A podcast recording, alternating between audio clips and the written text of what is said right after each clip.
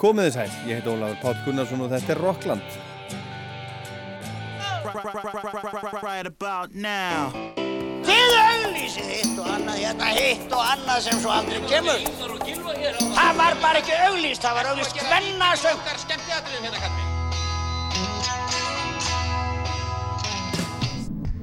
Hvað gerir kvöld? Kíkja á tónleikana? Ekki? Ég hef ekki beint fyrir mig að vera einan um einhverja brjála úlinga. Hvað minnur þau?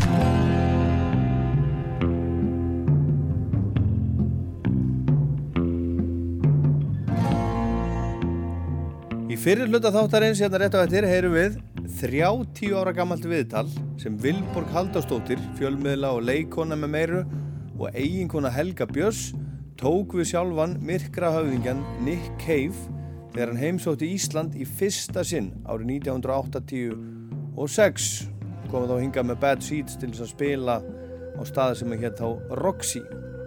Cave sem þá var 29 ára gammal og búsettur í Berlín fór heldur illa með sig á þessum tíma var til dæmis heroinfíkil en hann skellti sér með Vilborgu í bíltúr um borgina og þau stoppuðu í öskillíðinni og spjöldluðu það saman. Og þetta viðtal hefur aldrei verið byrt í heldsinni en ég fekk leiði til þess að byrta það hérna í Rokklandi í dag. Það fannst á segulbandsbólu í vor tiltekt í bílskúrnum hjá Helga og Vilborgu. Núna í mæ Við rifjum líka upp fyrstu heimsók hljómsveitarnar Kvarasi í Rockland haustið 1997 en þá var Kvarasi splungun í hljómsveit og nýbúin að senda frá sér fyrstu fimm laga plötuna. Kvarasi hefur verið ansið fyrirferða mikil hér á Rástvö undanfarnar daga, var til dæmis, já, tók yfir síðasta þátt og svo var þeir í þættinu konsert á 50 daginn, upptaka með Kvarasi og Symfóni hljómsveit Íslands úr Háskóla Bíó frá 2001 en við heyrum sérsagt Kvarasi í Rocklandi 1997 hérna á eftir. Elvis kemur lítilega við sögu og svo Iron Maiden en nýjasta platan þeirra, Book of Souls kom út fyrir árið síðan eftir að söngvarinn Bruce Dickinson var búinn að jafna sig eftir krabbamins meðferð hann var með krabbamin í tungunni sem er ekki gott fyrir söngvara í þungararsljónsveit en hann jafnaði sig á því og hljómsveitin fóð svo í tónleikaferðum allan heim. Spiluðu 72 tónleika í 36 löndum fyrir 1,5 miljón aðdáðanda Síðustu tónleikandi fóru fram á Vakken þungar á sátíðin í Þískalandi um síðustu helgi og þeir voru sendir út beint í sjónvarpi og á netunum. Við heyrum aðeins af því til dæmis ræðu sem Dickinson þar um bræðralag og við heyrum lög af Book of Souls. En byrjum á Nick Cave.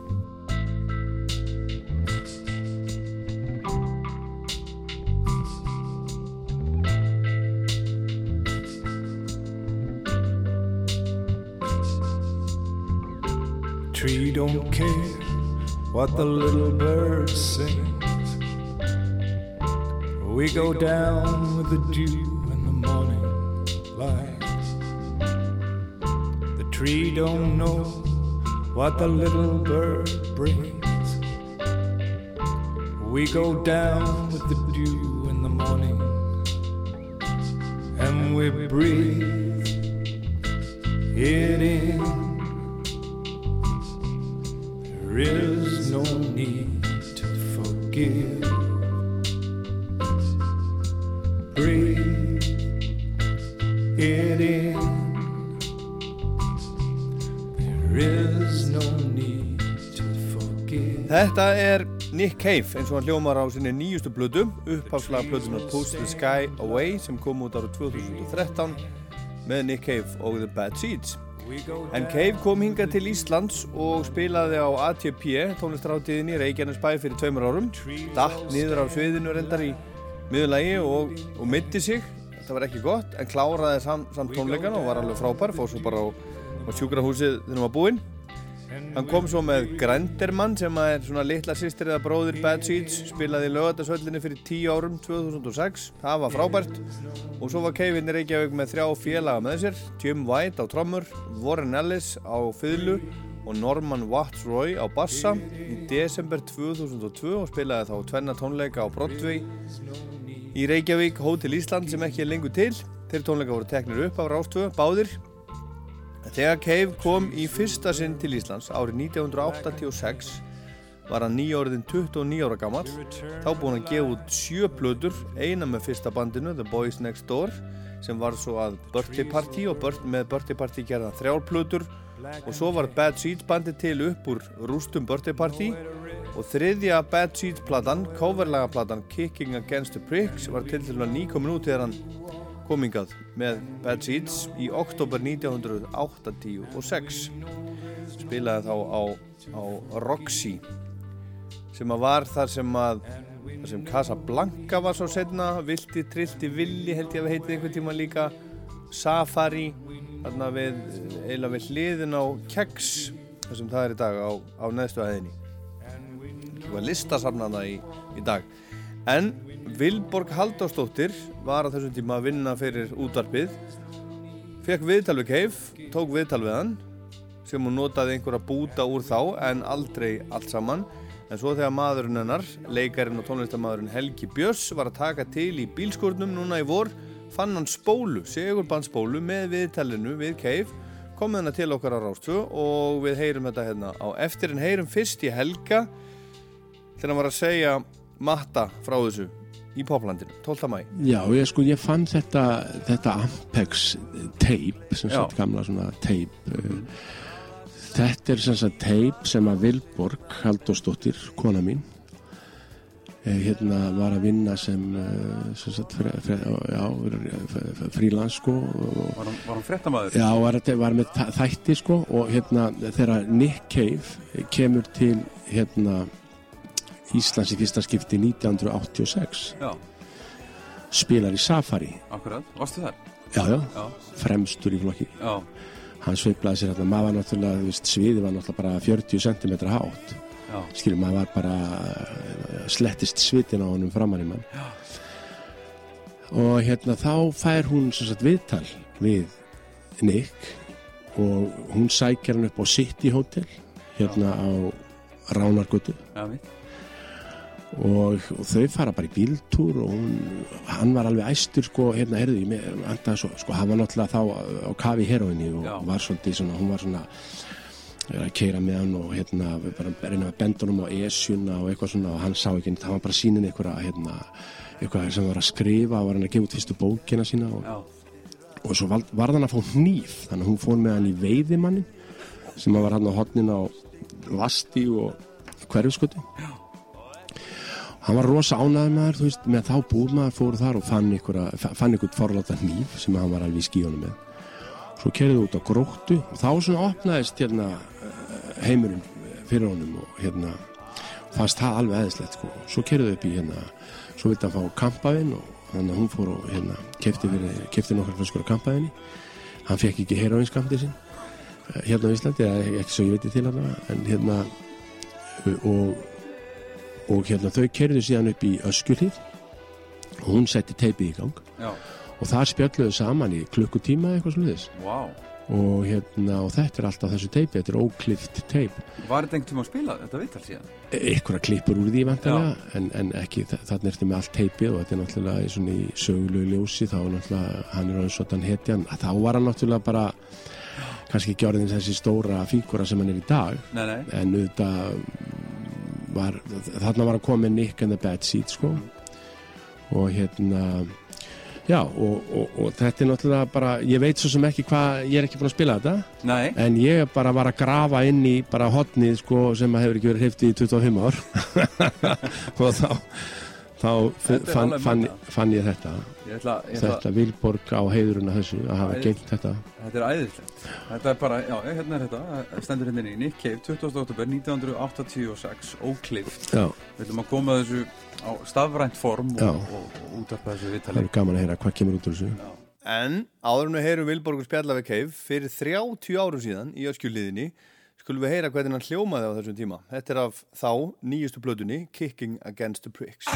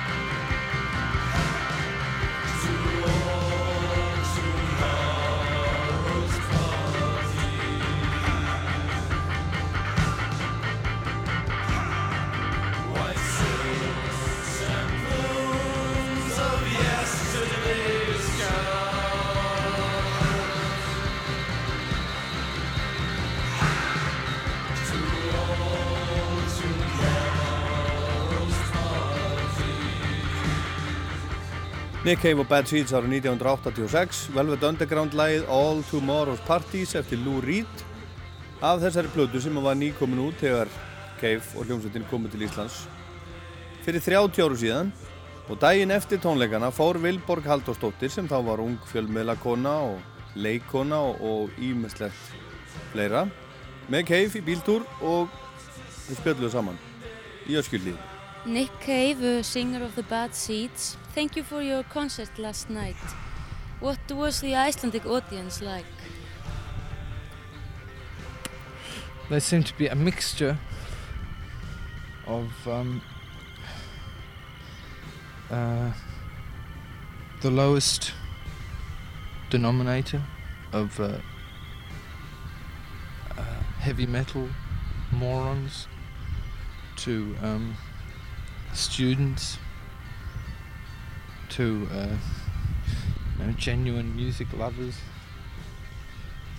to just um, people there to pick up a girl, I think, or pick up a boy. Groupies, just the uh, the whole gamut of youth, decaying youth. I saw those at the front wanted desperately to take part in your act. Are you used to that? Um. Well, I mean, we demanded that in the birthday party. That was part of the deal when we played. Anyone in the front row uh, had no choice uh, other than to be involved because um, if they weren't involved, then by sheer uh, virtue of me attacking them, they had to be involved. But in the bad seeds, there's um, other more, well, for me, more rewarding uh, areas of emotions that we're trying to put across, which um, extend a little further than just a kick in the face.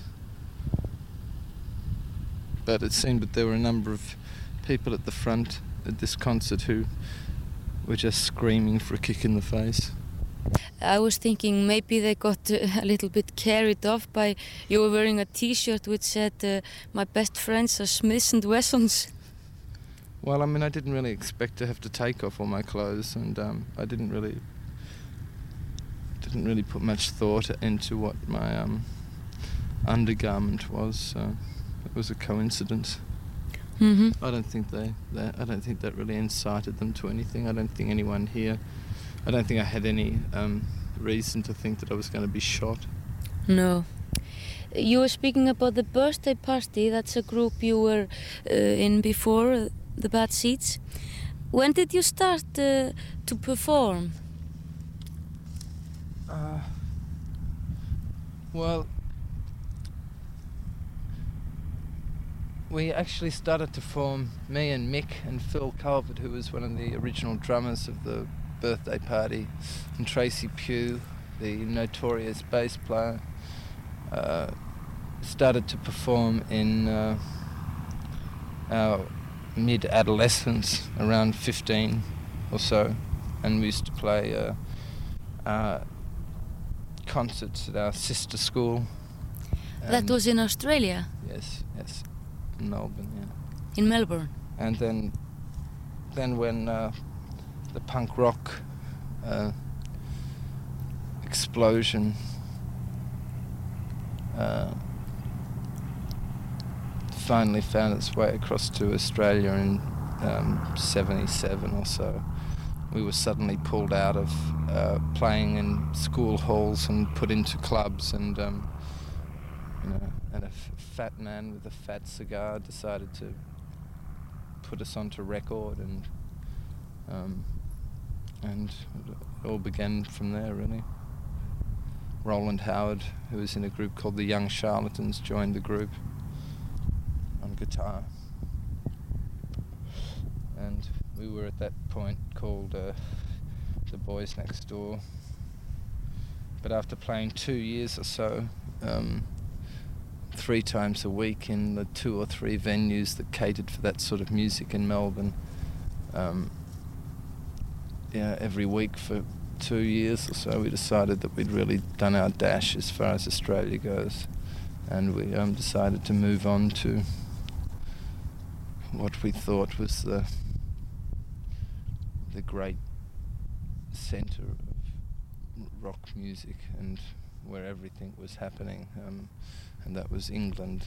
And we came there, and within two weeks, were thoroughly disappointed with with England, and realised it was just what England is a, a helpless, hysterical country flailing away in the and sinking into the channel. It's just a big black pit of depression, that place. What year was that? I don't know. what year is it now? 1986. You're sitting here in Yeah. Öskjuhlíð in Iceland. In 1986, well. Isn't fate strange? I think it was about 1980. Yeah.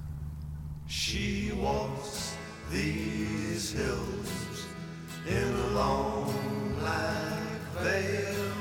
She visits my grave when the night winds wail.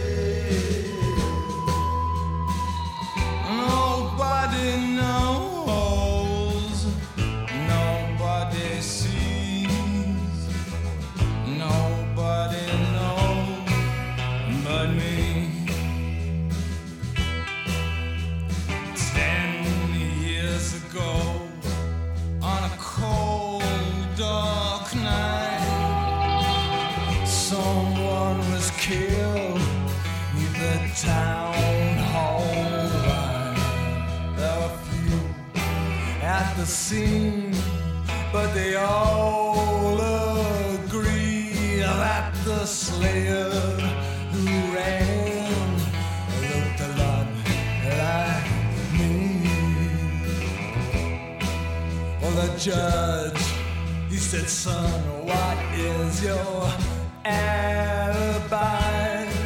If you were somewhere else, then you won't have to die. But I spoke not a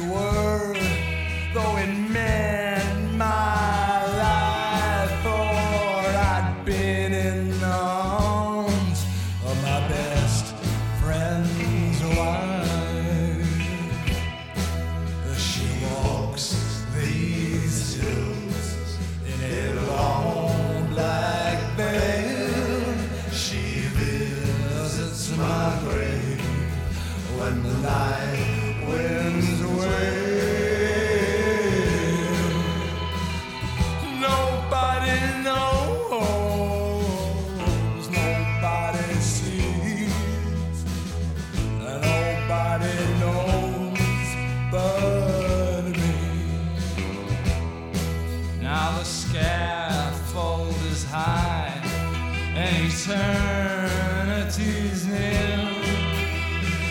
She stood in the crowd, but shed not a tear. But sometimes at night, when the cold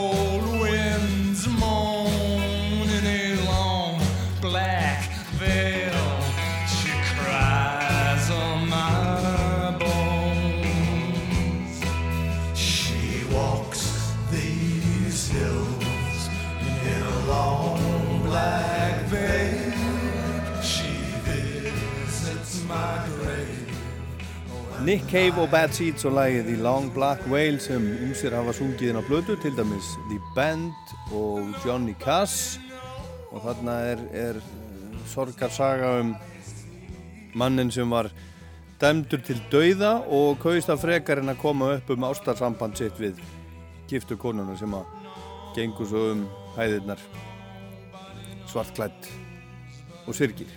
Þetta hljóma svona á plötunni Kicking Against the Prick sem var búin að vera í búðum í cirka tvo mánuði þegar Cave kom til Íslands í fyrsta sinn og spilaði þá á, á skemmtistanum Roxy.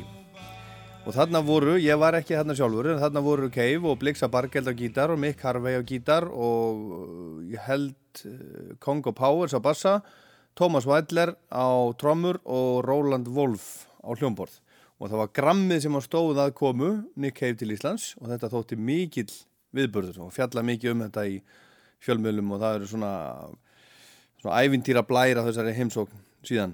En í viðtalinu við hana Vilborgu sem við heyrðum hérna á hann, þá töluðu um, um tónleikarna sem að voru kvöldi áður, um áhorvendurna sem voru alls konar, allt frá heavy metal lúðum, saði Cave, til skólakrakka sem voru fyrst og fremst að, að sína sig í þeim tilgangi að kynnast, kynnast öðru fólki á gagstæðu kynni með ævintýr í huga eins og gengur og svo töluðu þau um upphaf tónlistarferils Nix heima í Melbourne í Ástralíu, The Boys Next Door og, og Birthday Party og svo framvegis. I read uh, some place that you uh, you play piano. Have you learned to play piano? When I was 10 or so, uh, this was after spending five or six years uh, singing in the church choir in a country town called Wangaratta. Um, I learnt the piano from my uh, well, from the local vicar for um, three years, and whereas I passed the theory very well, I never really kind of, due to the fact that I have a non-existent sense of rhythm. Um, a non-existent sense well, of rhythm. Well, my, my sense of rhythm is really. Um, well, I mean, it's just not there. I just don't have a very good sense of rhythm, um, coordination, and um, uh, so in the end, uh, the vicar quite quite kindly told me that, or told my parents that they were really wasting their money giving me lessons on the piano. so from then on, I became a self-taught pianist. Yeah.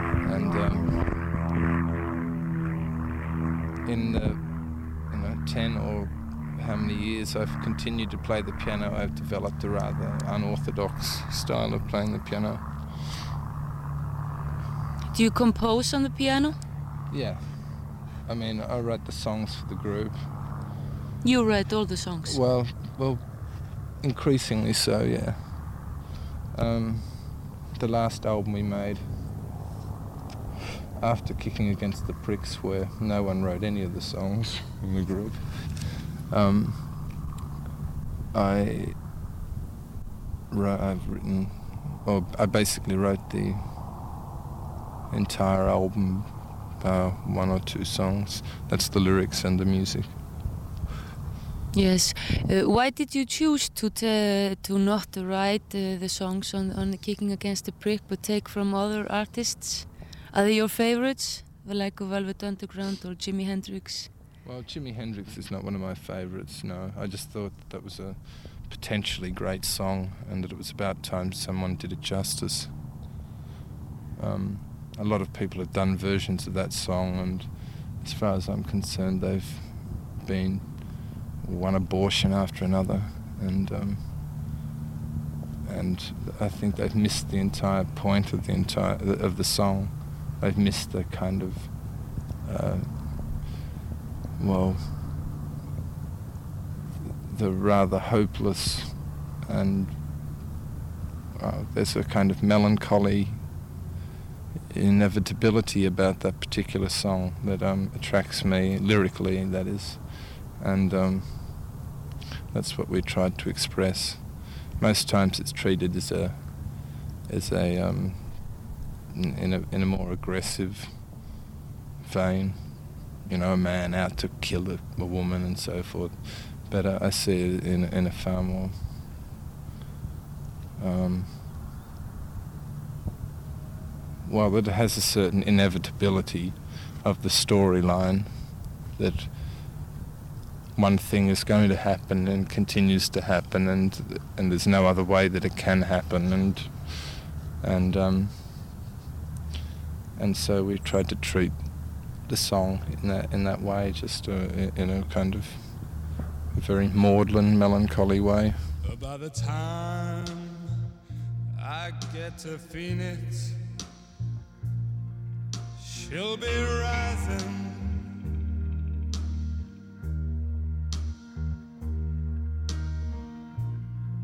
And she'll find that note that I left hanging on the door.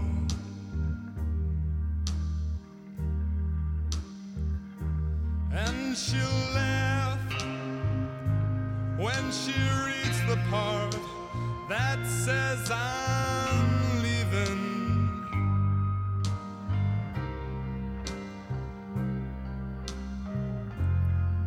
Cause I've left that girl so many times before.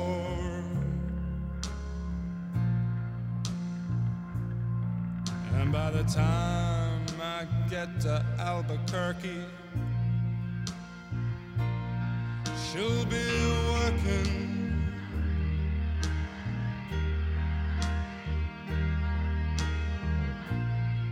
And she'll take off time just to give me a call.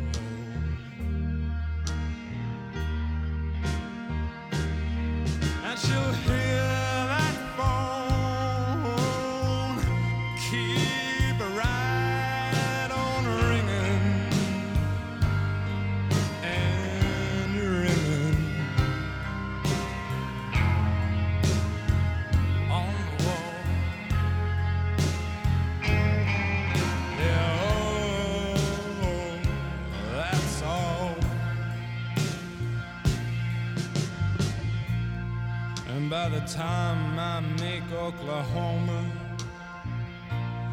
she'll be sleeping.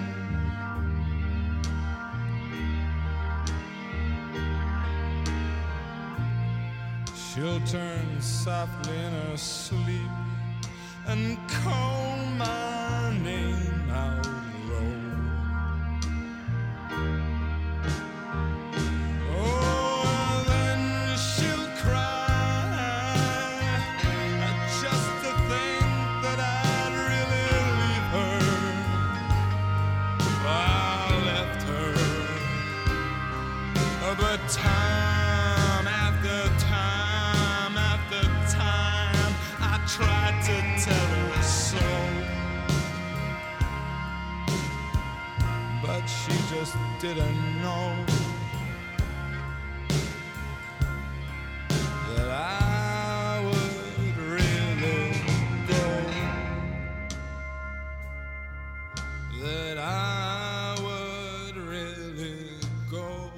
By the time I get to Phoenix eftir Jimmy Webb sem er ennþá sprell lifandi. Þetta kom út árið 1965 og svo aftur 67 með Glenn Campbell og svo útgáfa er líklega þekktust af þessu lagi. Jimmy Webb er 69 ára gamall og ég var að lesa viðtal við hann bara núna í vikunni. Hann, hann verðist vera nokkuð efnaður, hann sapnar kappakstusbílum og alls konar bílum, flottum bílum og alls konar dóti sem tengist Concorde þótum og svo sapnar hann öðru líka, plötum til dæmis.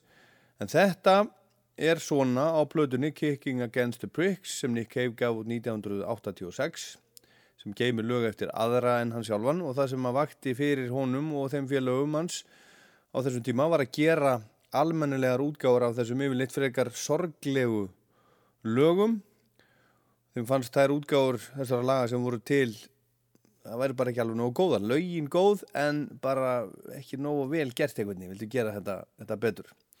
En hann lærði að spila þess á píano frá 10 ára aldri saðan, saðan Vilborgu þarna fyrir 30 árum síðan í öskjuliðinni.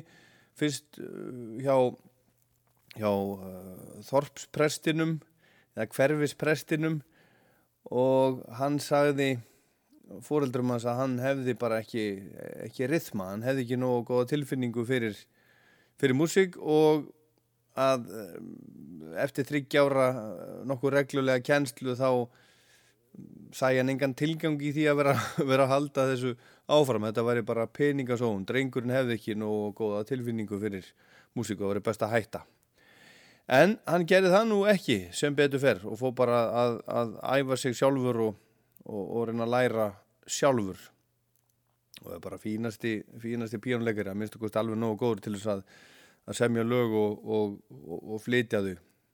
Bæði eigin lög og, lög annara en Vilborg var ekki búinn með Cave hún vildi fá að, fá að heyra næst um, rockið í Ástralíu tónlistarlífið í Ástralíu. En á þessum tíma þegar Nick Cave var 29 ára gammal bjóð hann í Berlín. Rock music in Australia, I think we only know maybe two uh, groups, uh, Men at Work and Inks. Is it? Uh, is it? Yeah, yeah. What, what did you say? They're actually called In Excess. Yeah. Uh, in XS. Yes. Are the, is it, is the rock live there? Is it is it good? Is it does uh, Australia have uh, many rock groups? Well, I think that, that there was a certain generation, um, which I was I belonged to, that um, that seemed out of well out of all the periods of Australian rock music, just to, just to be um, a froth of ideas, and um, quite a number of exceptional groups came out of, of that at the time. That, um, but I, I don't really think that there's much happening now nowadays. Um, Do you find uh, the place where you're staying, like uh, you're now living in Berlin, does it affect your music? Do you compose uh, differently? no, no, I, I really don't think that, the, that it doesn't really matter where I stay. I still, I'm still writing about the same things as I've always written about. My ideas don't change very much, or the themes don't change any much. I just am interested in defining what I'm writing about, what I've always written about, and de- and defining it more and more, and becoming clearer and clearer in what I say. I'm not interested in um, changing my ideas or my image or whatever from record to record. I'm I'm anything but a chameleon. I'm not a chameleon. Music, it looks, uh, when you listen to it, it's raw and it's wild, but in the same time, it's very romantic and very tender. Are you like that? Yes, indeed. Haven't you noticed? Uh, have you been touring uh, Europe before you came here? Yeah. Where where were you playing before uh, Iceland? Well, we did about four concerts in Germany, and we did one or one in Holland, and uh, a couple in Scandinavia, and uh, mm, uh, one in Paris. Uh, God knows why.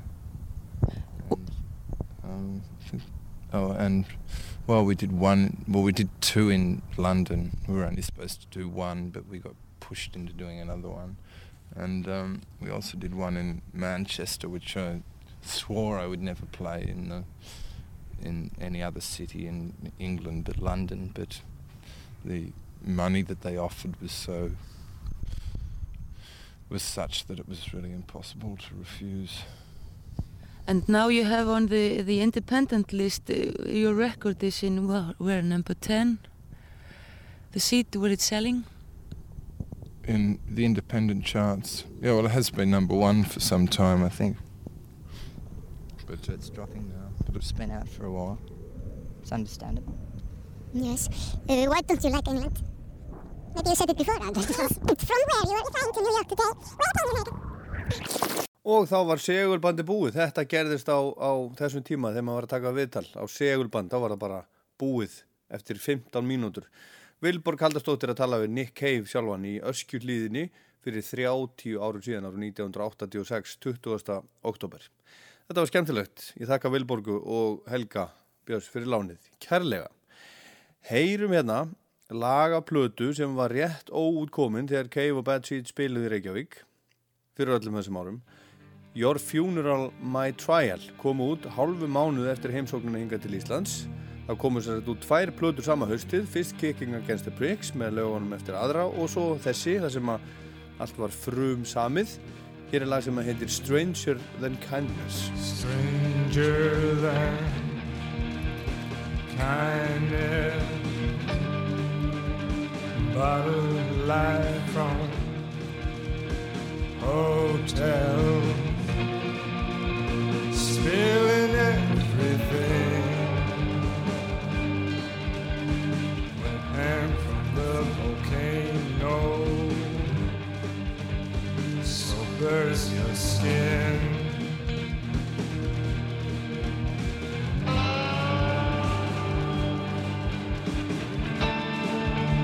stranger than kindness. Caress yourself and grind my soft cold bones below. Map of desire. burned in your slave. Even a fool can come, a strange and stare, and find a rope hanging there. Stranger than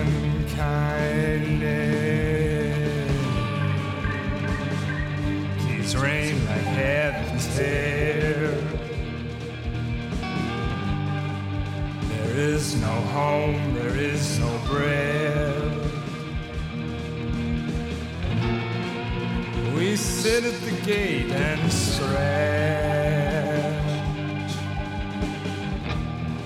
the gone fruit of passion dies in the light.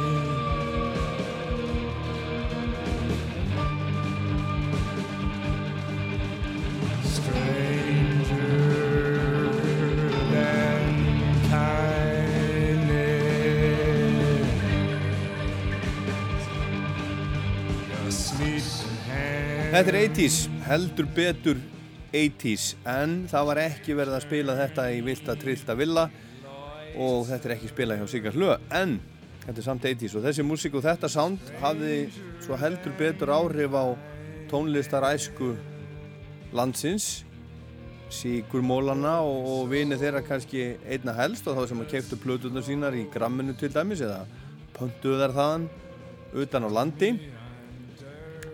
Og svo liðu 16 ár þar til Keif spilaði næst á Íslandi. Þá var hann orðin bara svona rockstjarnar, löngu farin að headlæna stærstu tónlistarháttíðir heims og löngu hættur í öllu ruggli, hættur að nota heroin eins og hann, hann, hann var nú að gera hérna þegar hann kom til Íslands fyrst.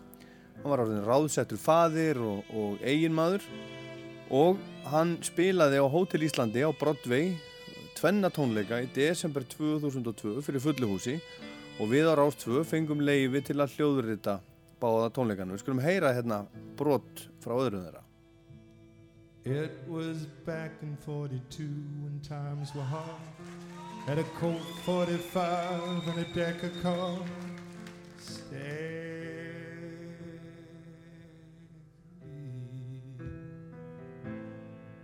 He had a rat-drawn shoes and an old Stetson hat. Had a 28 Ford. Had payments on that stag.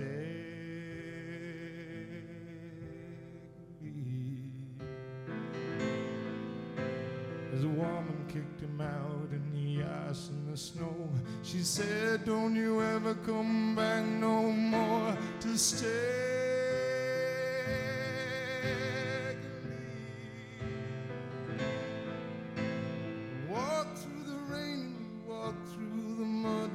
Came to a place called the Bucket of Blood. Staggerly.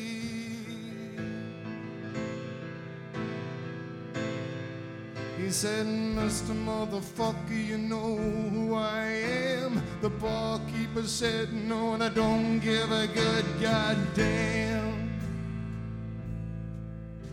To Stagger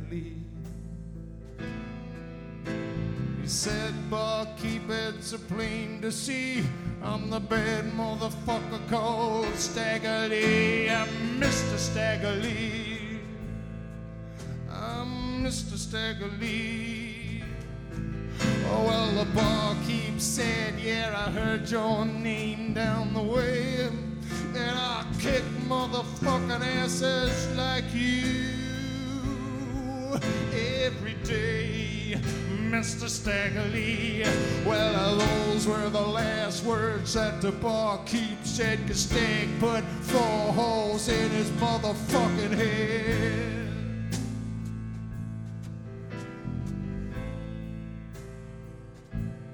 Just then in came a broad called Nellie Brown, known to make more money than any bitch in town.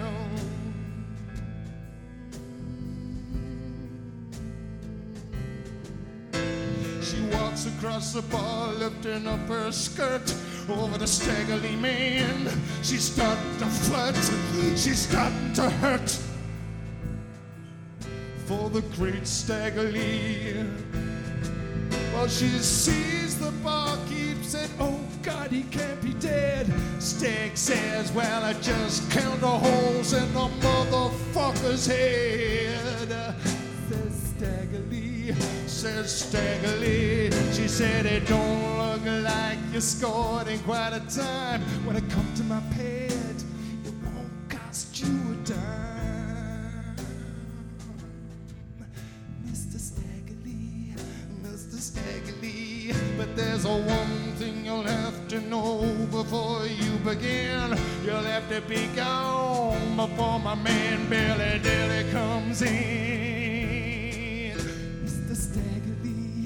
Mr. Staggerly, I'm gonna sit right here till time comes to pass. And furthermore, I'll fuck Billy Dilly in his motherfucking ass. Says Staggerly, says Staggerly, cause I'm a bad motherfucker, don't you know? And I'll crawl over 50 good pussies just to get to one of fat boy's asshole. Says Staggerly, just in a in came Billy Dilly, said you must be the bad motherfucker called Staggerly. I'm Mr. Staggerly. I'm a Mr. Staggerly. Yeah, I'm Staggerly, and you better get down on your knees and suck my dick. Cause if you don't, you're gonna be dead. Says Staggerly, says Staggerly. So Billy Dilly kneels down and slobbers on his head. It's Stag fills him full of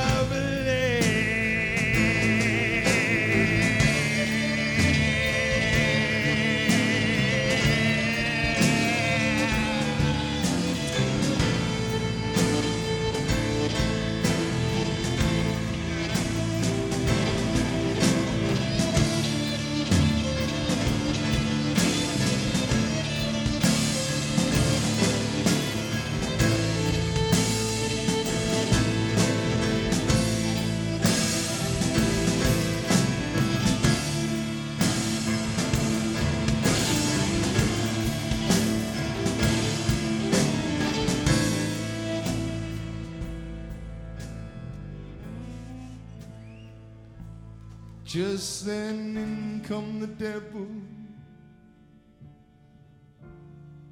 Said I've come to take you down,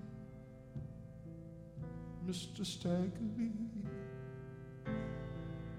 Yeah, in come the devil. Said I've come to take you down.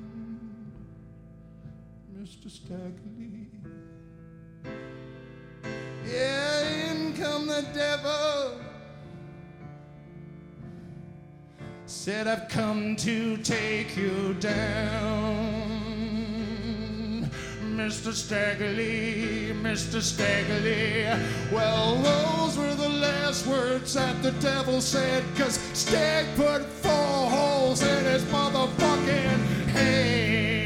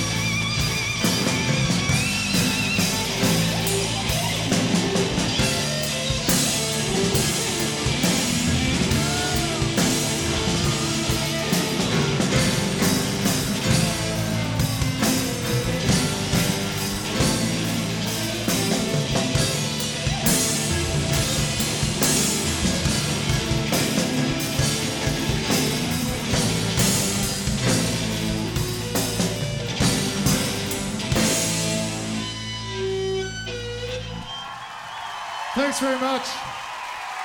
Good night.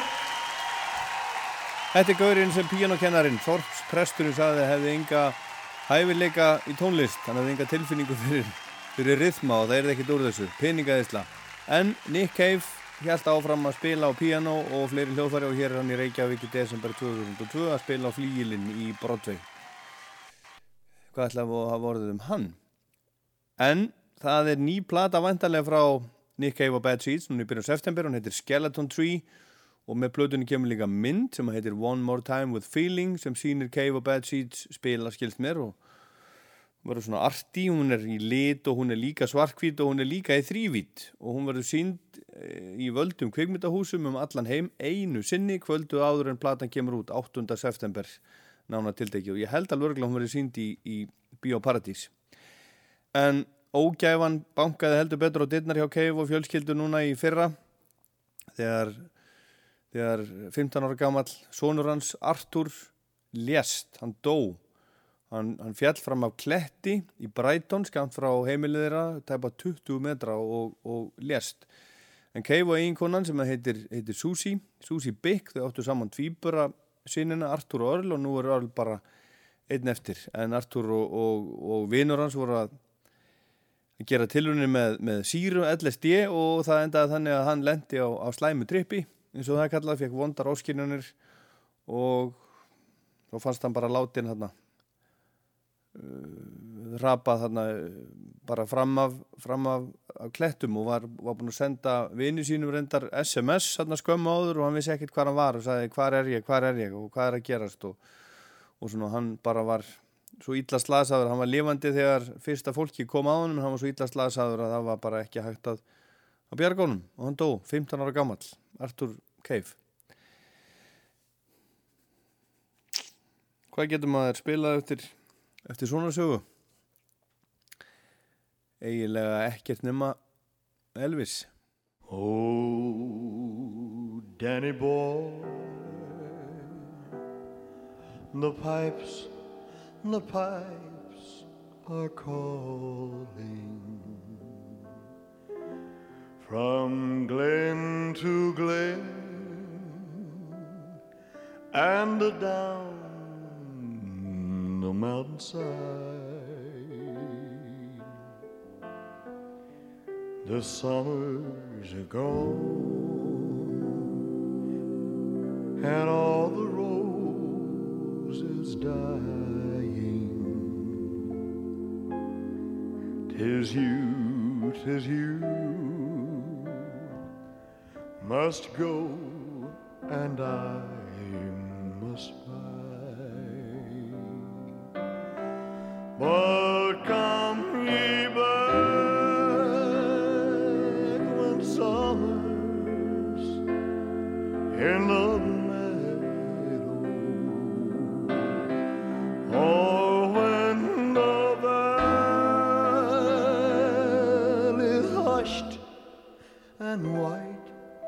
snow.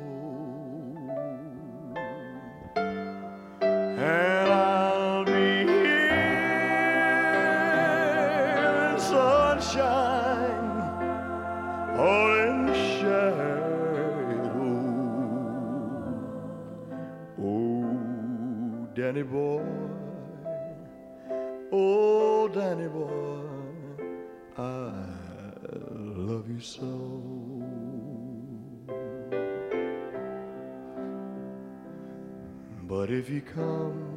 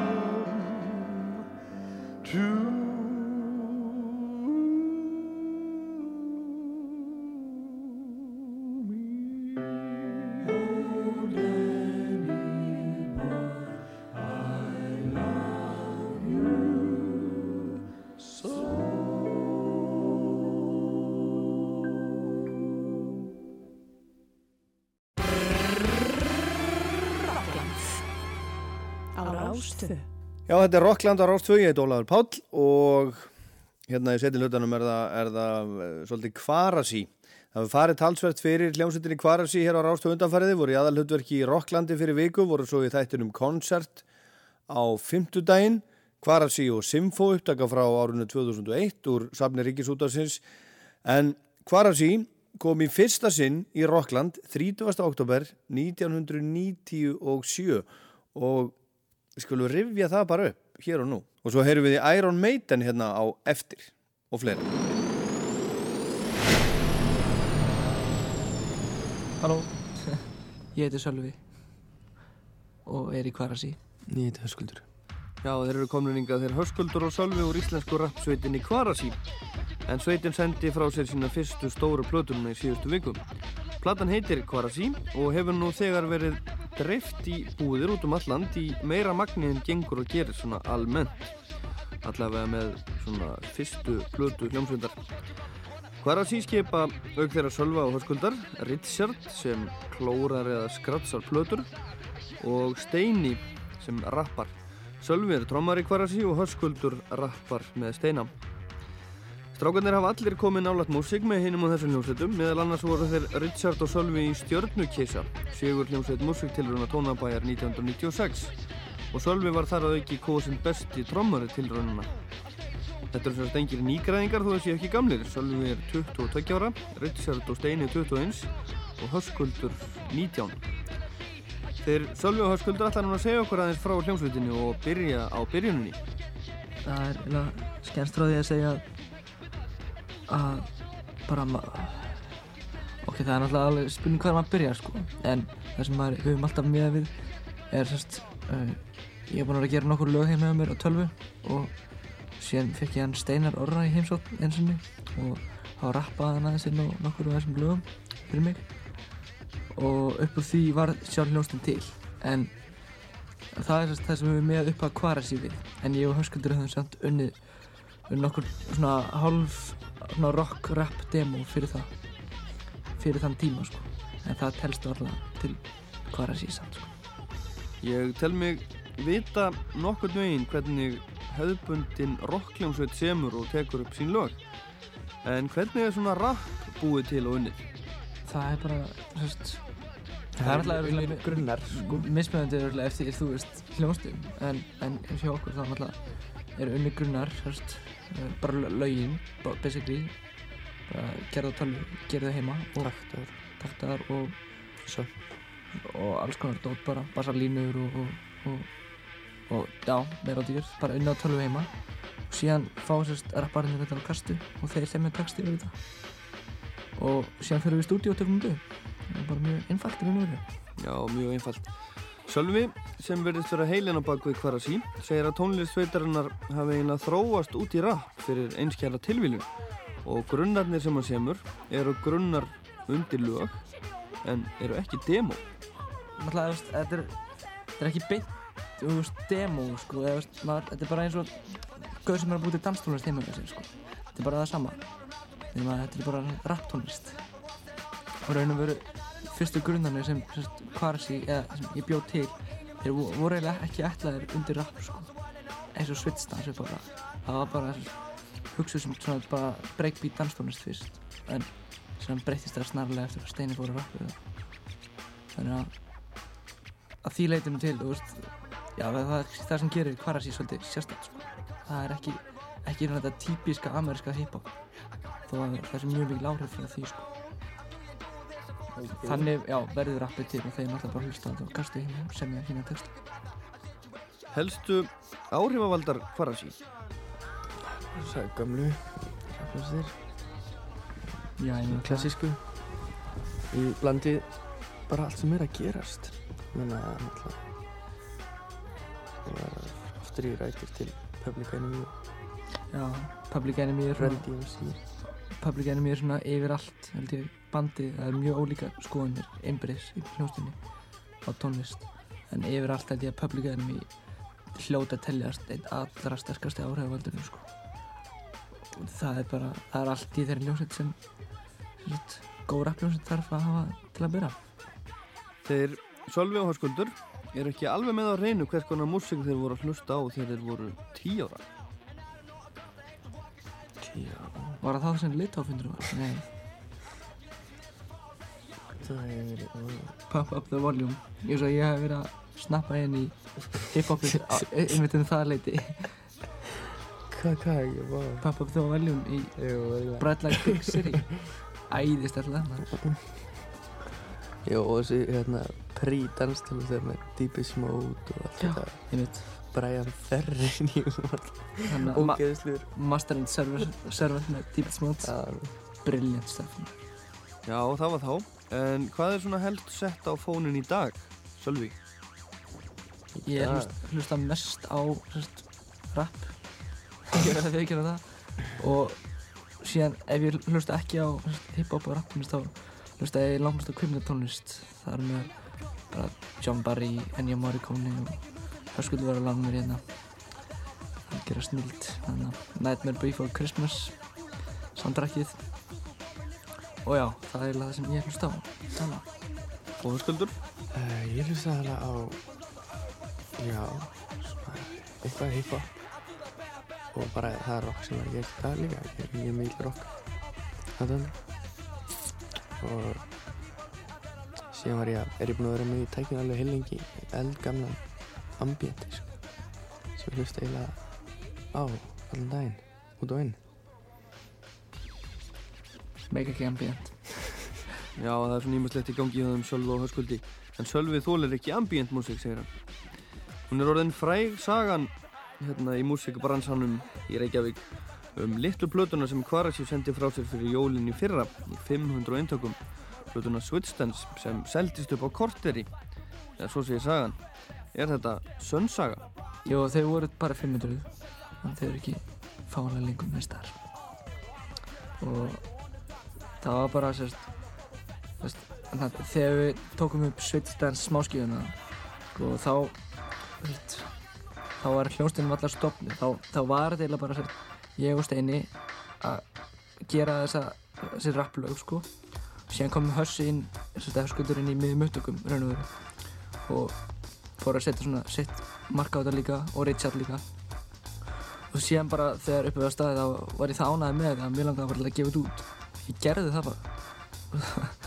Á þess að vera með dreifingarsamning eða samning eða bara neitt sko. Ég átti bara smá pening og með öðrum vinnum mínum sem hannaði coverið við ákveðum að gefa þetta, þetta út á smáskjöfu og síðan bara fengum við þetta þessi 500 eintökur landsins og ég fór með þetta upp, á, upp í íbúð til mín og setta bara undir rúm. En síðan er vakt þetta aðtegli ákveðina dreifingar aðalega henni bænum og þeir tóku þetta og setti dreifingu og þetta þreim vikum og hefur ekki sérst síðan. Og þetta er falleg lítil jólasaga. Já, falleg lítil jólasaga en platan hvarf á þremur vikum en ekki korteri eins og þjóðsagan segir.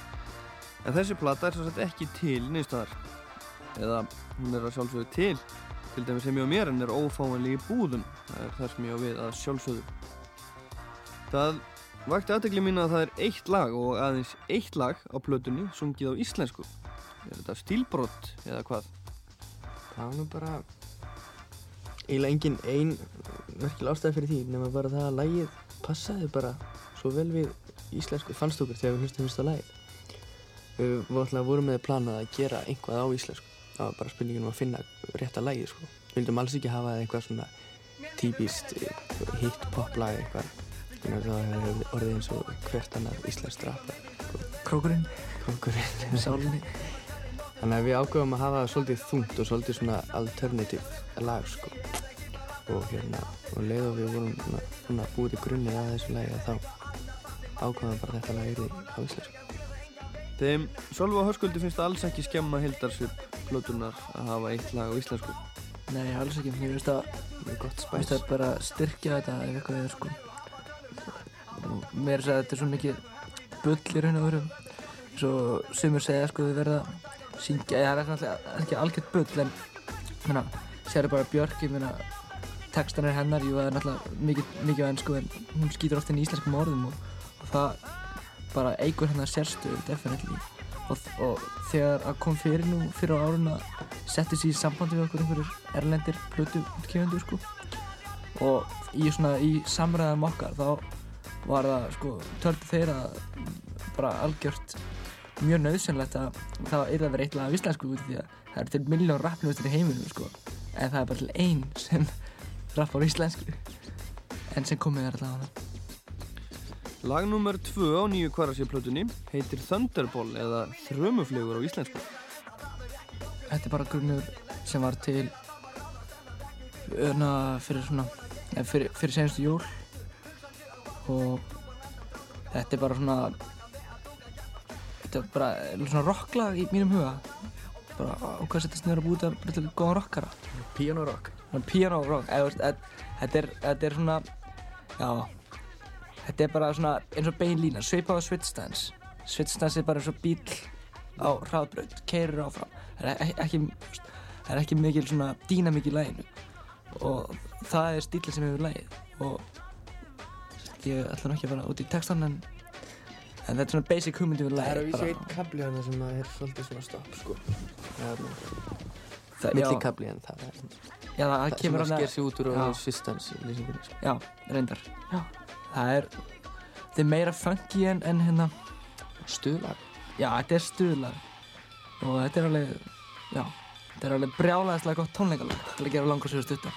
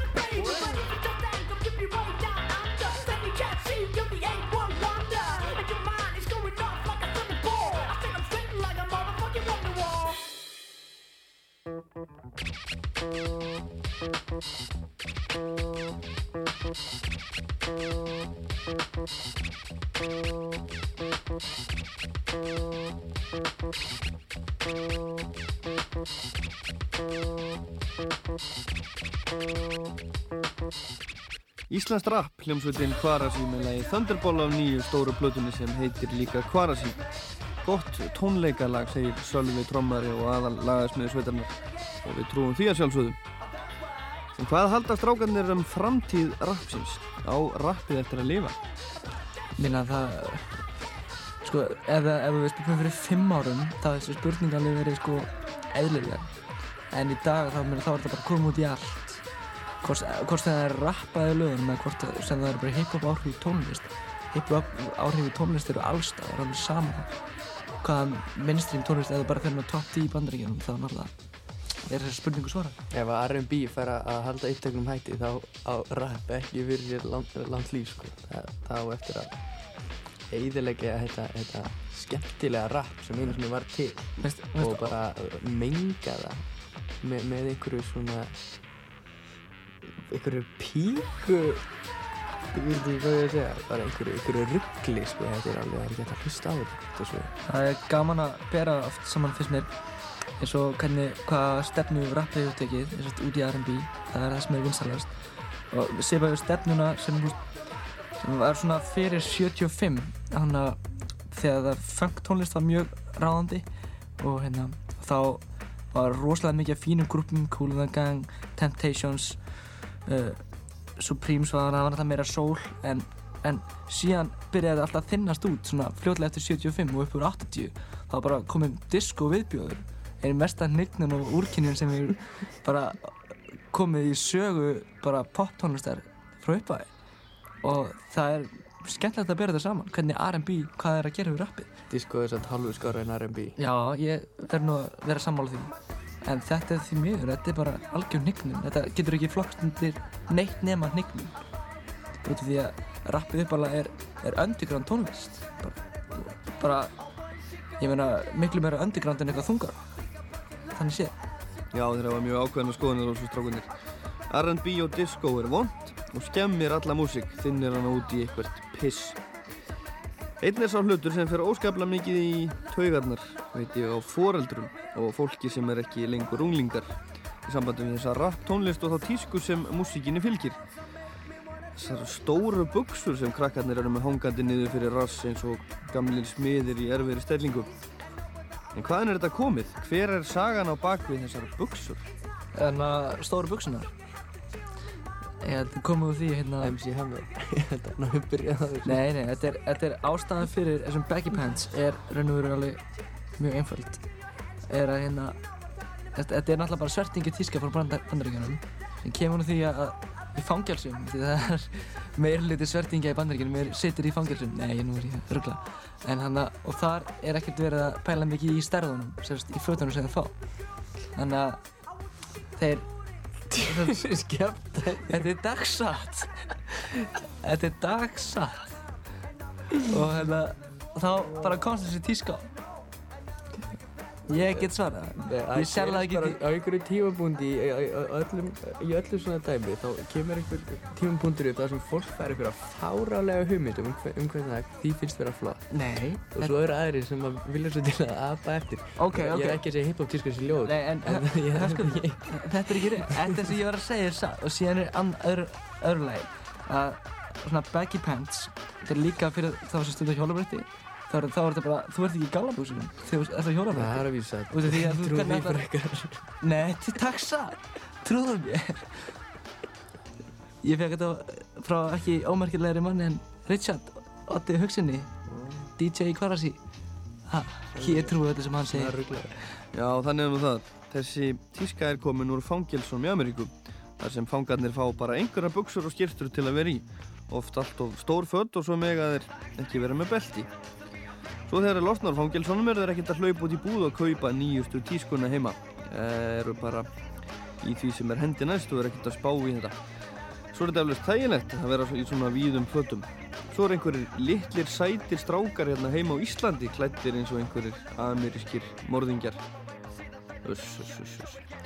Og þá var plötunin. Það eru 16 lög á henni og þeim Sölva og Höskuldi finnst hún alls ekki of löng.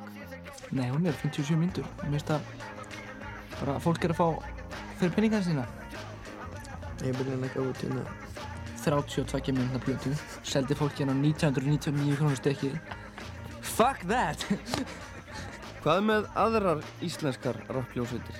Já, það er eitthvað um það Það eru nokkru hlustir Já. Já. Nokkru svona úlingar hlustir Ég, ég hef ekki fylgst náðu vel með því því mér Er Kvarasi með heimasíðu á netinu? Mhm. Já, hún verður opnuð formulega 15. november Ekki alveg strax, hún er í vinslu staðan verið að opna einhverja hálfónýta svona hálfljóta heimasíðu. Þá ákvaðum við að svona gera þetta aðeins meira grönd En það er sérna? Já. HTTP Tíbúndur, skástrík, skástrík, 12, 12, 12, 12 This is skástrík Karachi Hvað með útlönd? Nei. Nei, ekki neitt. Mér langar reynda svolítið til útlanda bara til að slappa af en, en ef þú ætti að tala um útgáfumálum þá þá er, er ekkert að gerast þannig að við gætum alveg sagt að það er fullt að gerast út í einhver útlensku maður sagði að hann fílaði tónlistina. En það er að slappa af með það við tökum bara eitt í einu, við vorum ekki út plötur í Íslandi við vorum ekkert að fara út til sko London eða eitthvað að Já, bara kemur þegar það kemur. Það var eitthvað svona erlend útgáfu æði en það á Íslandi. Hvað er framöndan hjá Kvarasi? Spila Það er eina, eina, sem við getum gert er að spila og auðvitað plötuna og okkur Já. Við erum mjög ánægði með útgáfuna og það verður ímislegt gert sko. Þegar alltaf bara, þegar maður gefur plötu þá fylg, fylgja því alls konar Það er eina sem selur það að spila sko. Já, svona kynningaskildur Menna, Ekki það að við höfum ekki gaman að því sko. Síðan líka er þetta eina leiðubröð tónlistamanna á Íslandi í dag að er að spila. Það er engin á plötinu og sérst Emil Torini og gefur út plötu 37 myndir á 1990 Svona er þetta. Takk fyrir. Já, það er að ákveðna skoðanir á þessu sem öðrum. Lokalag plötunar frá Kvarasi heitir Mr. Caulfield Höskuldur. Caulfield, þetta nafn er komið úr hérna, bók sem heitir The Catcher in the Rye. Þú las þessa bók í mentaskóla og það er aðal sögupersonan Holden Caulfield og hann er svona mjög mjög sniðu persóna, fannst mér hann er svona mjög kaltæðinn og, og hatar svona fake fólk sko, sem kemur ekki til dyrinn eins og það er klætt og þannig er eiginlega bara textin bara um, um þetta og, og, og nafnið kemur fyrir í textanum þannig að ákveðum bara að láta lagið heita Mr. Caulfield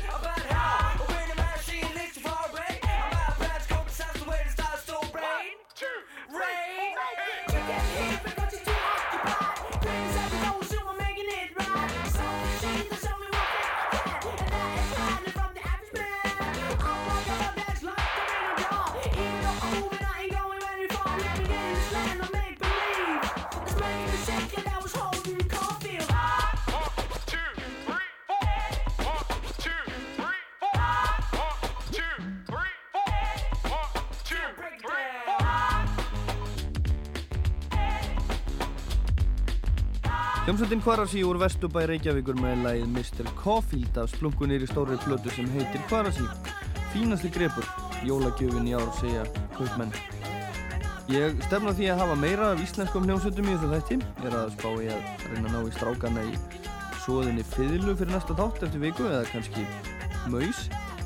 En svoðin fiðla sigraði músiktilrunir tónabæjar núna 1997. Þú ert að hlusta á Rockland á Rástvöða.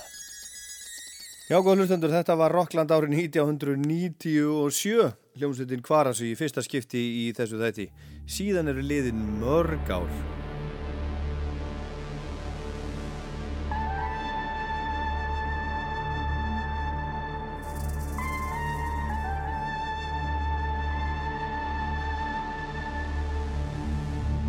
Here is the sound of a man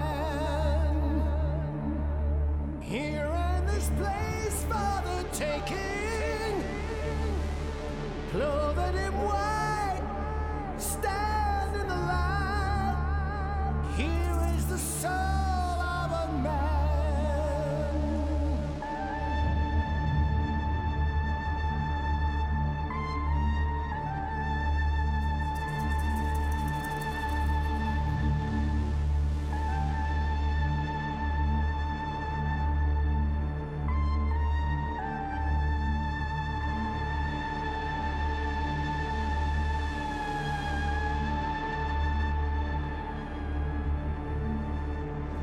to speak with a shame on a game, Conjure the dead.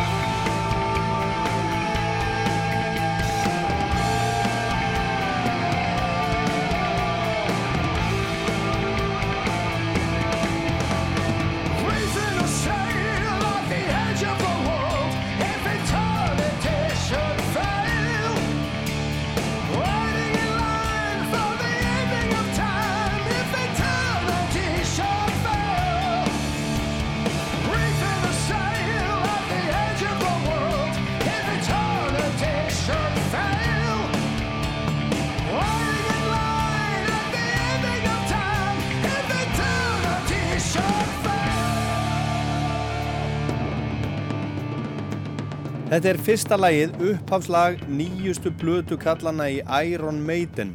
Lagið sem er eftir öðlingin og flugmannin og söngvaran Bruce Dickinson heitir If Eternity Should Fall og uh, platan heitir Book of Souls, kom út í september í fyrra. Þetta er 16. hljóðversplata Iron Maiden. Þetta er laung og mikil plata, 92 mínútur, tvöfallt album en samt bara 11 lög og þetta er lengsta lagið 18 mínútur. Þetta er lengsta lag Iron Maiden. Rime of the Ancient Mariner á hlutunni Power Slave, það var lengsta lagið en nú er þetta orðið, orðið lengsta lagið. Það er að segja lokala þessar plötu sem heitir Empire of the Clouds og er eftir Bruce Dickinson. Þetta er bara eins langt og það, þarf að vera. Þeir taka sér alla þann tíma sem þeir tellið sér þurfa í, í lögin þessi kallar og alltaf er þetta gamaldags rock jafn vinsalt. Platan fór á toppin á vinsaldalistanum heima í Breitlandi og í 23 öðrum löndum líka. Hugsið ykkur, Iron Maiden 2015, fyrsta sæti vinsaldalista í 24 löndum. Hún var tekin upp hausti 2014 þessi plata en svo þegar búið var að taka upp fór Bruce í lækniskoðun og þá kom í ljósa að hann var með krabbaminsæksli aftalega á tungunni. Þetta var auðvitað heilmikið áfall, það er það fyrir alla, þeir eru greindir með krabbamenn en hann er jú söngvari í þungarársljónsveit og og með krabbaminsæksli á tungunni. Og þegar hann byrjaði í meðferð var hann nú sagt að það var ekkert víst að hann gæti sungið framar og að þetta myndi öruglega hafa áhrif á röttina. Útgáfa plötunar var slegið á frest, það var svolítið búið að taka hann upp allavega að mestu og hann fekk tíma til að jafna sig eftir meðferðina sem gekk vel en svo kom bara platan út, Maiden fór í heljarinnar tónleikaferðum allan heim, spilaði 72 tónleika í 36 löndum fyrir 1,5 miljón aðdáðanda og með þeim í för á þessu skipti var hópur af Íslandingum. Brús og hljómsveitin legðu nefnilega stóra flugvél þótu af Atlanta sem sendi með þótunni íslenska áhöfn, flugmenn, flugvirkja og flugþjóna. Og allt gekk eins og við sögum svona að, að mestu, skoðum það kannski hérna aðeins á, á eftir. Og svo eru þetta Brús flugmaður líka, þannig að hann flög oftast þegar bara þegar hann var búinn að spila þá var bara að fara upp í flugvel og hann flög, flög sjálfur á næsta stað, ótrúlegu maður. En Iron Maiden lokaði tónleikaferðinni á Vakken þungarásáttíðinni í Þýskalandi Slesvík Holstein um síðustu helgi og Maiden var þar eitt af aðalnúmörnum að sjálfsögðan, þetta er eitt af stærstu þungarásljónsveitum heims en þann dag í dag. Og þeir útbyggu á Vakken hverju handa aðdáðundum sín Well, here we are at Wacken. It's the last show on the tour. It's been an absolute fantastic, a blast, uh, best tour yet, and most of all, it's been down to everybody that's been had anything to do with this tour. I thank you so much from the bottom of my heart.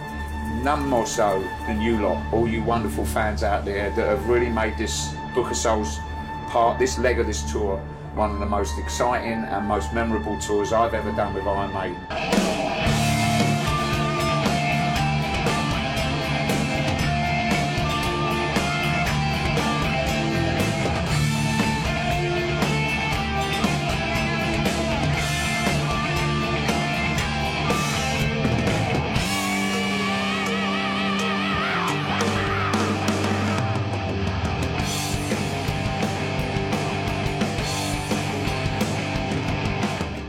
Very much. God bless you all, and uh, keep you safe and well. And uh, I'll see you next year. God bless. Bye. It's been a brilliant tour. The fans have been absolutely brilliant everywhere. Uh, but I've got to say, we are all, if I'm honest, looking forward to a nice rest. So we'll see you on the next one.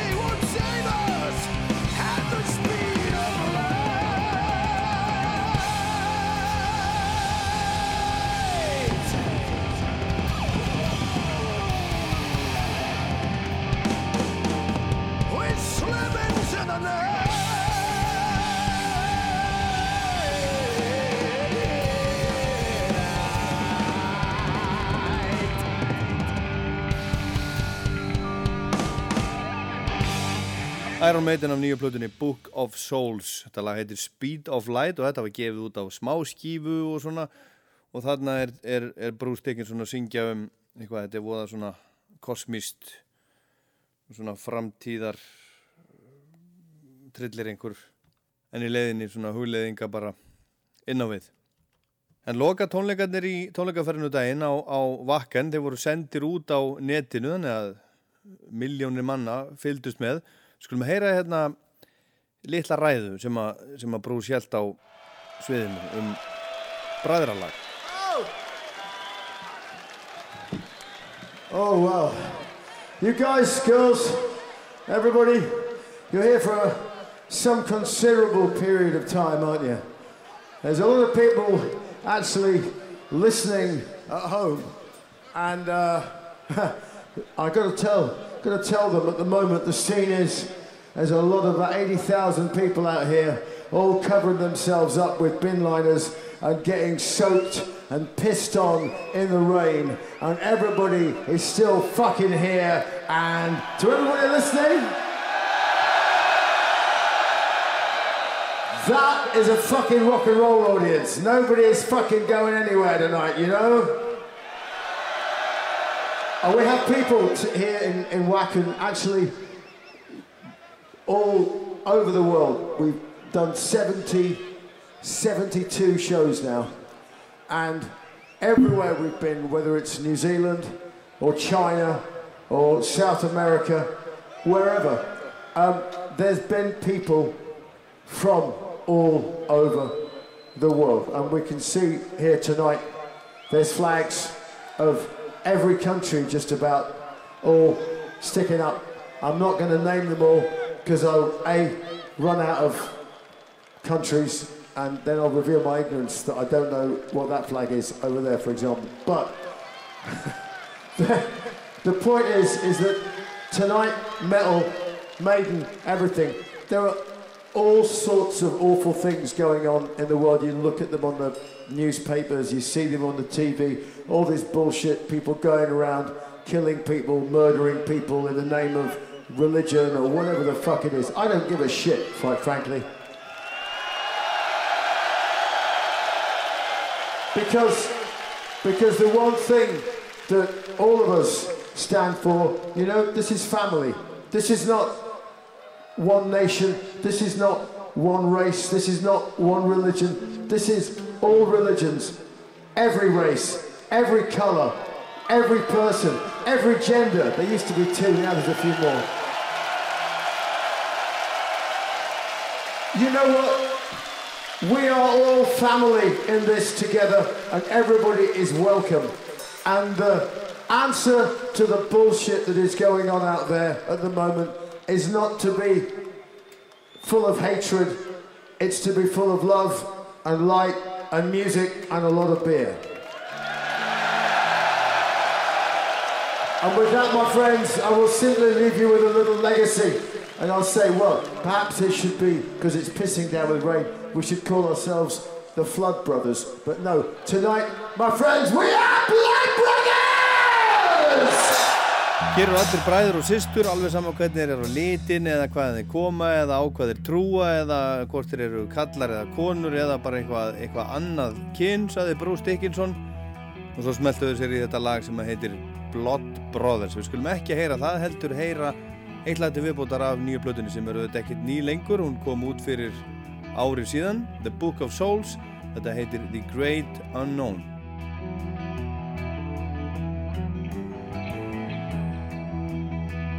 Winter softly falling to the ground, calmly waiting. Don't you hear a sound?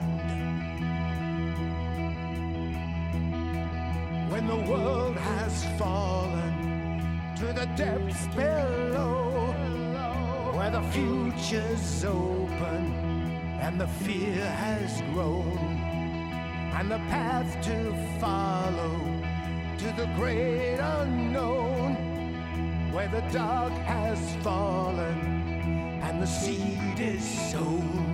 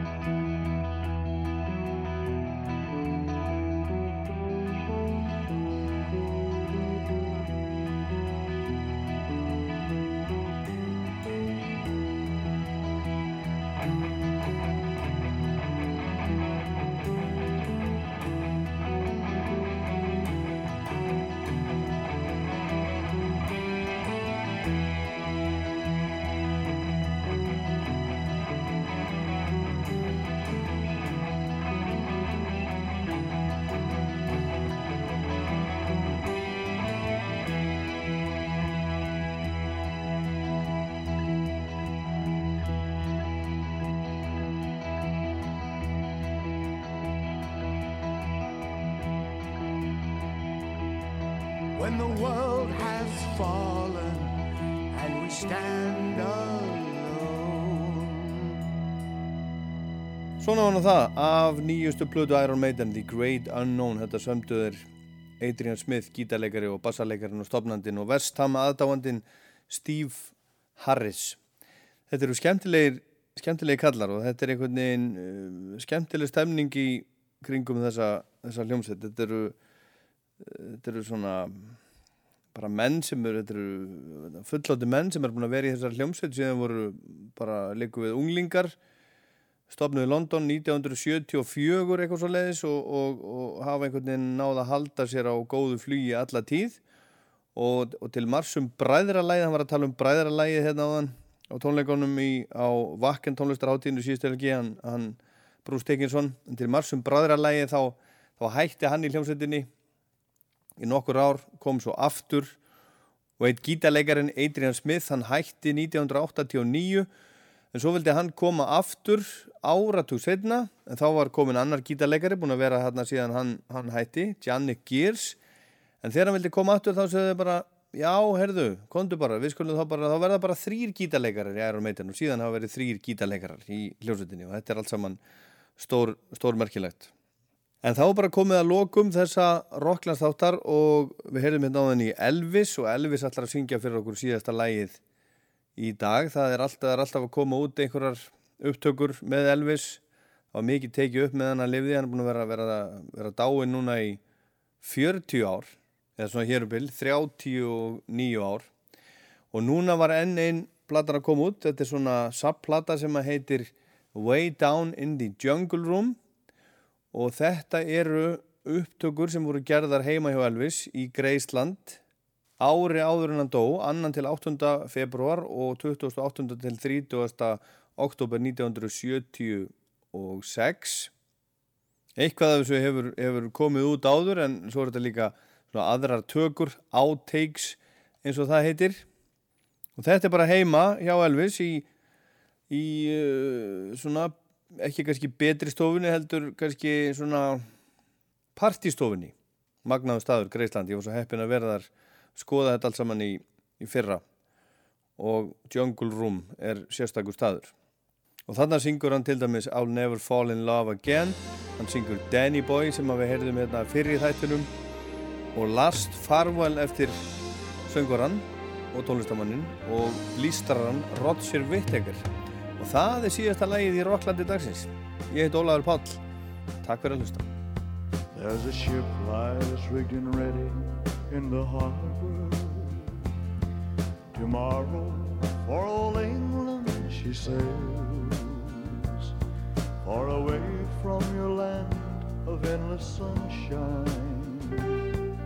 To my land full of rainy skies and gales I shall be aboard that ship tomorrow. Though my heart is full of tears at this farewell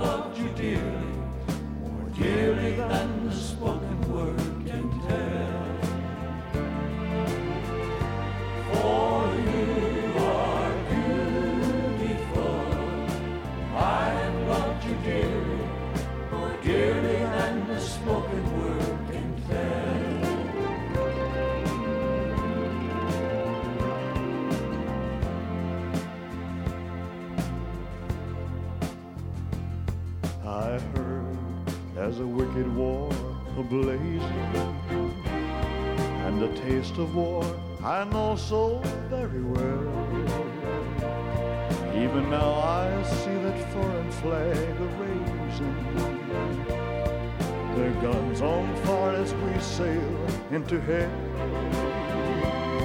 I have no fear of death, it brings no sorrow. But how bitter will be this last farewell